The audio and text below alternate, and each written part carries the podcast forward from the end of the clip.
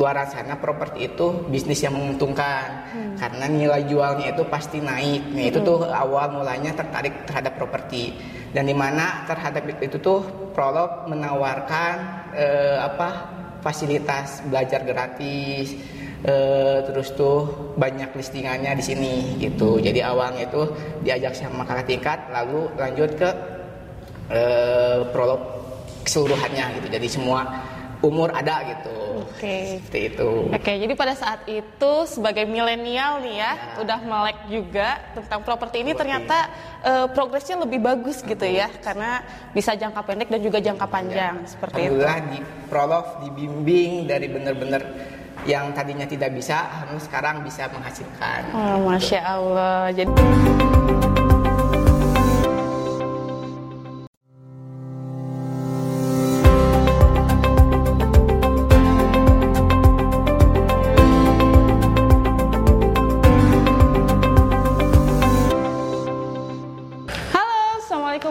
wabarakatuh sahabat Prolog. Balik lagi nih sama podcast Prolog. Nah di samping saya udah ada guest star nih. Penasaran kan siapa? Nanti kita akan kenalan sama beliau.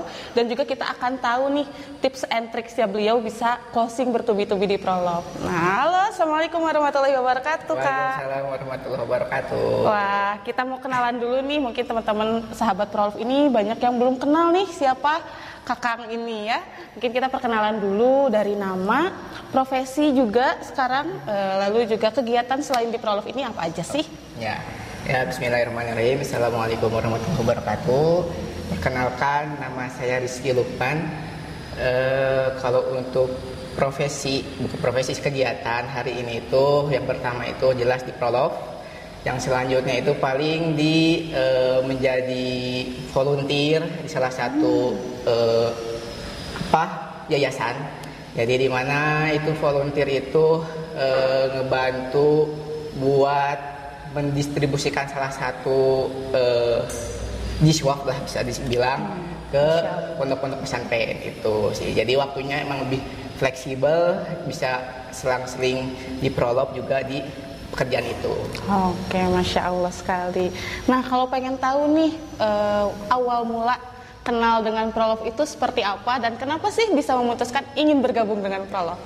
Oke, kalau untuk pertama kali kenal Prolog itu waktu 2018. Oh, udah cukup lama udah ya. lama. Jadi awalnya itu dikenalin sama kakak tingkat di kuliah. Oh. Jadi dulu kuliah itu di uh, boleh disebut kampus? Boleh, enggak. Salah satu kampus swasta itu Tenas. Oh, Dia ada okay. tingkat-tingkatnya itu kenal dengan salah satu founder Prolog, yaitu oh. Pak Yoga. Nah, jadi itu dulu tuh diajak sama satu kakak tingkat untuk uh, belajar properti awalnya, bukan mengenalkan Prolog. Ayo kita belajar properti, ini ada komunitasnya. Dulu kan hmm. komunitas ya, ya betul. komunitas.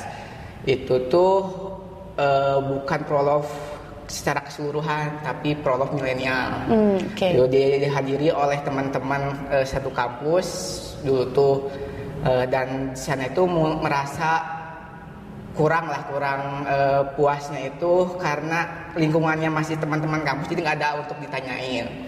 Alhasil waktu pertama ikut gathering itu di Green Harmony 2018. Mm okay. bulan November atau Desember akhir itu. Itu pertama ikut gabung prolog di secara keseluruhan ya, keseluruhan dan ternyata emang uh, istilahnya tuh aku banget nih oh, gue ingin uh, misalnya pengen belajar terkait properti dan emang sebelumnya itu emang ada ketertarik, ter, ketertarikan terhadap properti. Kenapa? Karena mungkin dilihat-lihat dengar-dengar dari internet ataupun di luar sana properti itu bisnis yang menguntungkan. Hmm. Karena nilai jualnya itu pasti naik. Nah, itu hmm. tuh awal mulanya tertarik terhadap properti.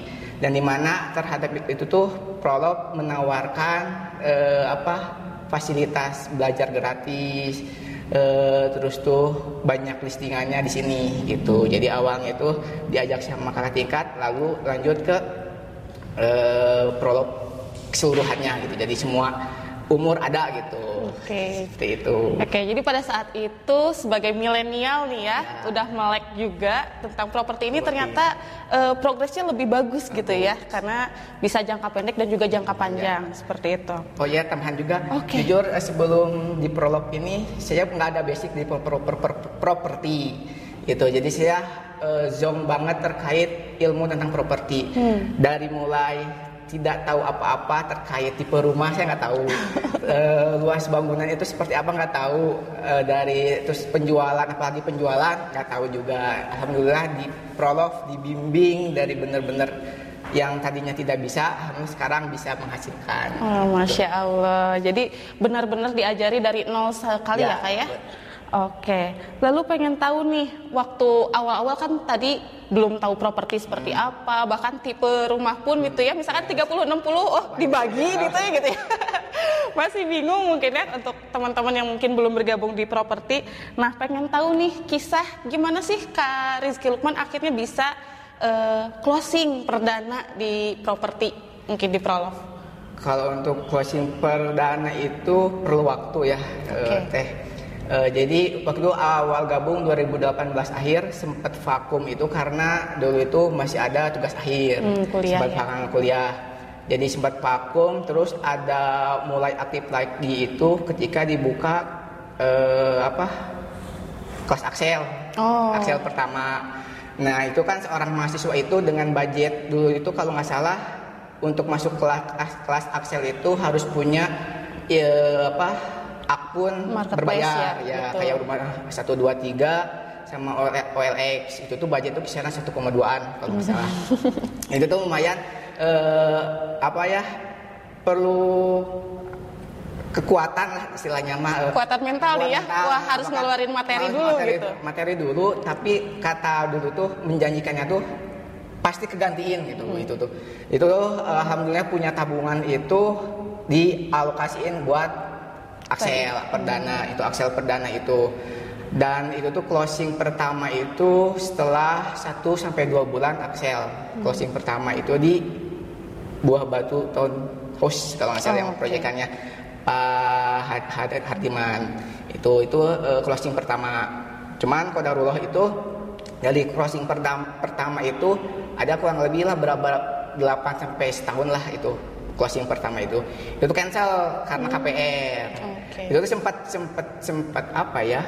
Drop down juga sih sempat down juga nggak udah closing nggak nggak tidak menghasilkan. tidak menghasilkan. Alhamdulillah beberapa bulan kemudian kegantiin tuh closing di salah satu perumahan eh, di pada suka hmm. itu nilainya juga lumayan hmm. nah di sana mulai tuh kegantiin oh. alhamdulillah dapat dapat income dari properti dari sana aja udah keterusan sampai sekarang.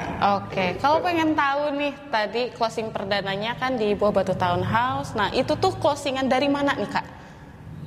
Oh ya, kalau untuk closing yang pertama itu dari Facebook. Oh, oh pada okay. Facebook uh, marketplace. Marketplace. -nya. Makanya untuk sekarang itu dari dulu sampai sekarang itu lebih banyak bergelut itu di marketplace, marketplace. karena awal perdana closing itu di Facebook Marketplace. Marketplace. Oke, okay, ya. jadi sudah nyaman sudah gitu ya. nyaman, ya. Udah, Facebook Marketplace. Udah kehatian lah untuk beriklan di sana tuh. Meskipun emang kualitasnya belum bagus ads ya, hmm. tapi dari sana menghasilkan juga gitu. Oke, apa sih perubahan-perubahan yang kakak rasakan gitu ya setelah gabung di Prolove? Mungkin dari awal yang memang tidak tahu apa-apa, akhirnya tadi mengikuti kelas akselerasi yang mungkin teman-teman belum tahu nih, kelas akselerasi itu adalah kelas pelatihan selama satu bulan full ya kayak, ya? di mana tidak hanya pelatihan saja, tapi teman-teman pun di challenge untuk bisa beriklan dan ditarget ya setiap harinya ya. Jadi udah belajar, langsung disuruh ngiklanin nah, semuanya. Oh ya untuk kelas Axel pun saya ikutnya tiga kali kelas Axel. Wah mantap. angkatan Gimana pertama, nih? angkatan keempat dan kelima kalau nggak salah. Hmm. Waktu terakhir itu angkatan waktu COVID. Oh. Nah itu terakhir. Nah tapi di sana di kelas Axel itu dibiasakan untuk kita habit untuk beriklan secara konsisten gitu. Okay. Meskipun uh, saya beriklan hanya sebatas organik, tapi udah ditanamkan habitnya itu di Axel dia alhamdulillah sampai sekarang kalau nggak ngiklan sehari itu berasa ada yang kurang oh, gitu iya, ada yang kompak uh, gitu ya. yang kurang gitu untuk uh, ininya tuh. Makanya uh, di kelas Axel itu tuh lebih apa ya ditanamkan lebih bisa konsisten dalam beriklan juga lebih tahu trik-triknya dalam beriklan itu sendiri gitu. Oke, Kak Rizky Lukman, sebagaimana yang kita ketahui tadi nih di perbincangan kita sebelumnya, Kak Rizky Lukman ini kan punya dua kegiatan ya, selain di Prolov ada kegiatan lain juga. Nah, pengen tahu nih gimana sih caranya Kak Rizky Lukman membagi waktu nih antara pekerjaan di luar Prolov dan juga dengan Prolovnya itu sendiri, sehingga bisa closing bertubi-tubi. Secara kalau untuk ngebagi waktu itu biasanya eh, kalau beriklan biasanya udah ada jadwalnya kan kalau untuk aktivitas di luar kalau berangkat pagi itu biasanya beriklan di malam hari.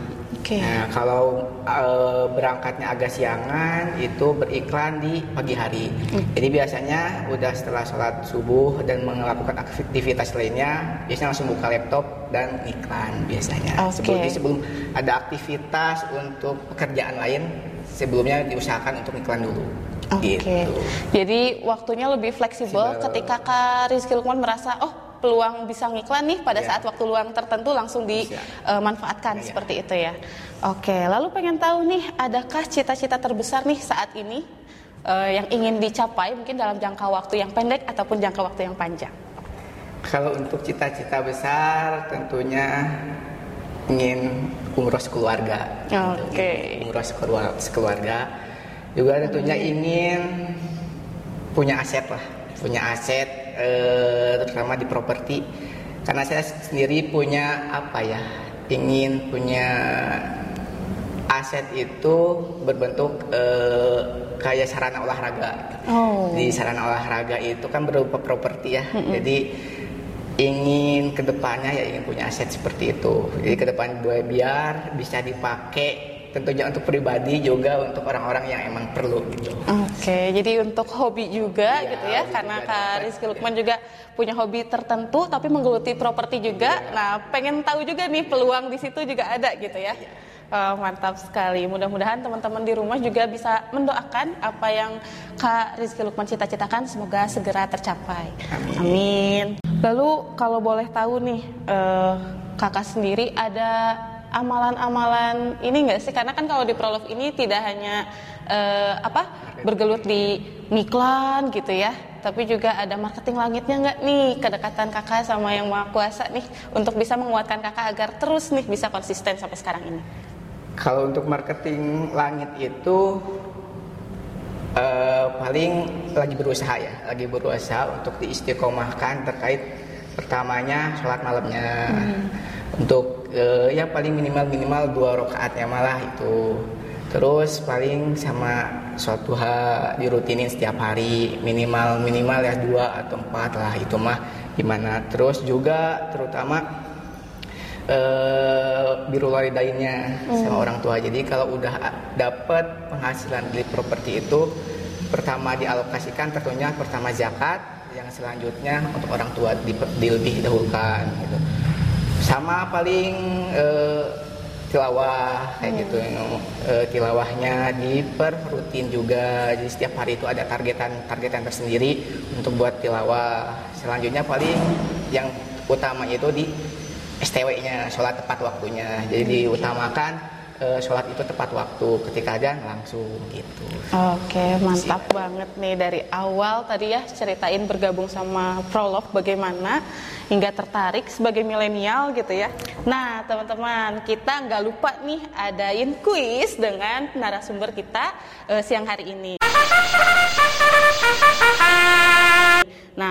Kariski aturannya di sini saya akan kasih e, lima pertanyaan dan Kariski pilih ya setiap pertanyaannya akan diberikan dua choice. Ya. Kariski Lukman boleh pilih salah satu dan juga mungkin alasan kenapa memilih hal tersebut. Oke, pertanyaan pertama. Closing banyak tapi komisinya nggak terlalu besar atau closing sesekali aja tapi komisinya gede banget? Closing banyak tapi cairnya sedikit. Oke, kenapa tuh? Karena biar menjaga semangat sih. Soalnya kalau kalau emang uh, closingnya besar tapi uh, sesekali gitu sekali ya. Sekali gitu. Itu biasanya ada titik di mana bosannya gitu. Oke, biar terus ngepush semangat terus, ya. Semangat. Closing lagi nih, closing lagi nih. Oke. Okay. Lalu pilihan yang kedua, media sosial atau med, uh, marketplace? Media sosial. Media sosial. OLX atau Rumah 123? OLX. OLX. Di bawah 500 juta atau di atas 500 juta? Di atas 500 Mantap. Terakhir, logam mulia atau motor? Logam mulia.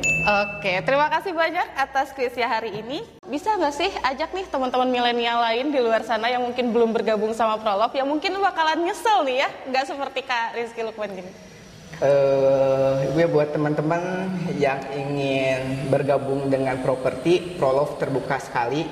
Jadi di sini kita belajar dari mulai uh, cara beriklan, dari mulai gimana cara menghandle buyer, juga tentunya banyak sekali proyekan-proyekan yang bisa diperjualbelikan. Tentunya kita nggak perlu capek-capek untuk e, menghandle bayar secara langsung. Jadi udah ada tim tersendiri untuk e, bayar itu ketika ingin ke lokasi. Kita bisa lebih fleksibel mengerjakan e, apa ya beriklan di properti ini gitu. Jadi kita bisa sambil aktivitas lain pun kita bisa mengerjakan prolog juga gitu. Wow, mantap. Terima kasih banyak Kak Rizky atas waktunya. Yang mungkin teman-teman ini bakal lebih mengenal Kak Rizky lebih jauh karena Kak Rizky ini juga sekarang sudah menjadi salah satu super mentor di Prolove yang mungkin teman-teman yang sudah bergabung akan bisa bertemu dengan Kak Rizky dan mendapatkan materi-materi tentang Facebook Marketplace di mana Kak Rizky ini memang sudah ahlinya, sudah menemukan titik uh, oh di sini uh, marketplace uh, Facebook ini bisa menghasilkan pundi-pundi cuan ya kayak. Ya?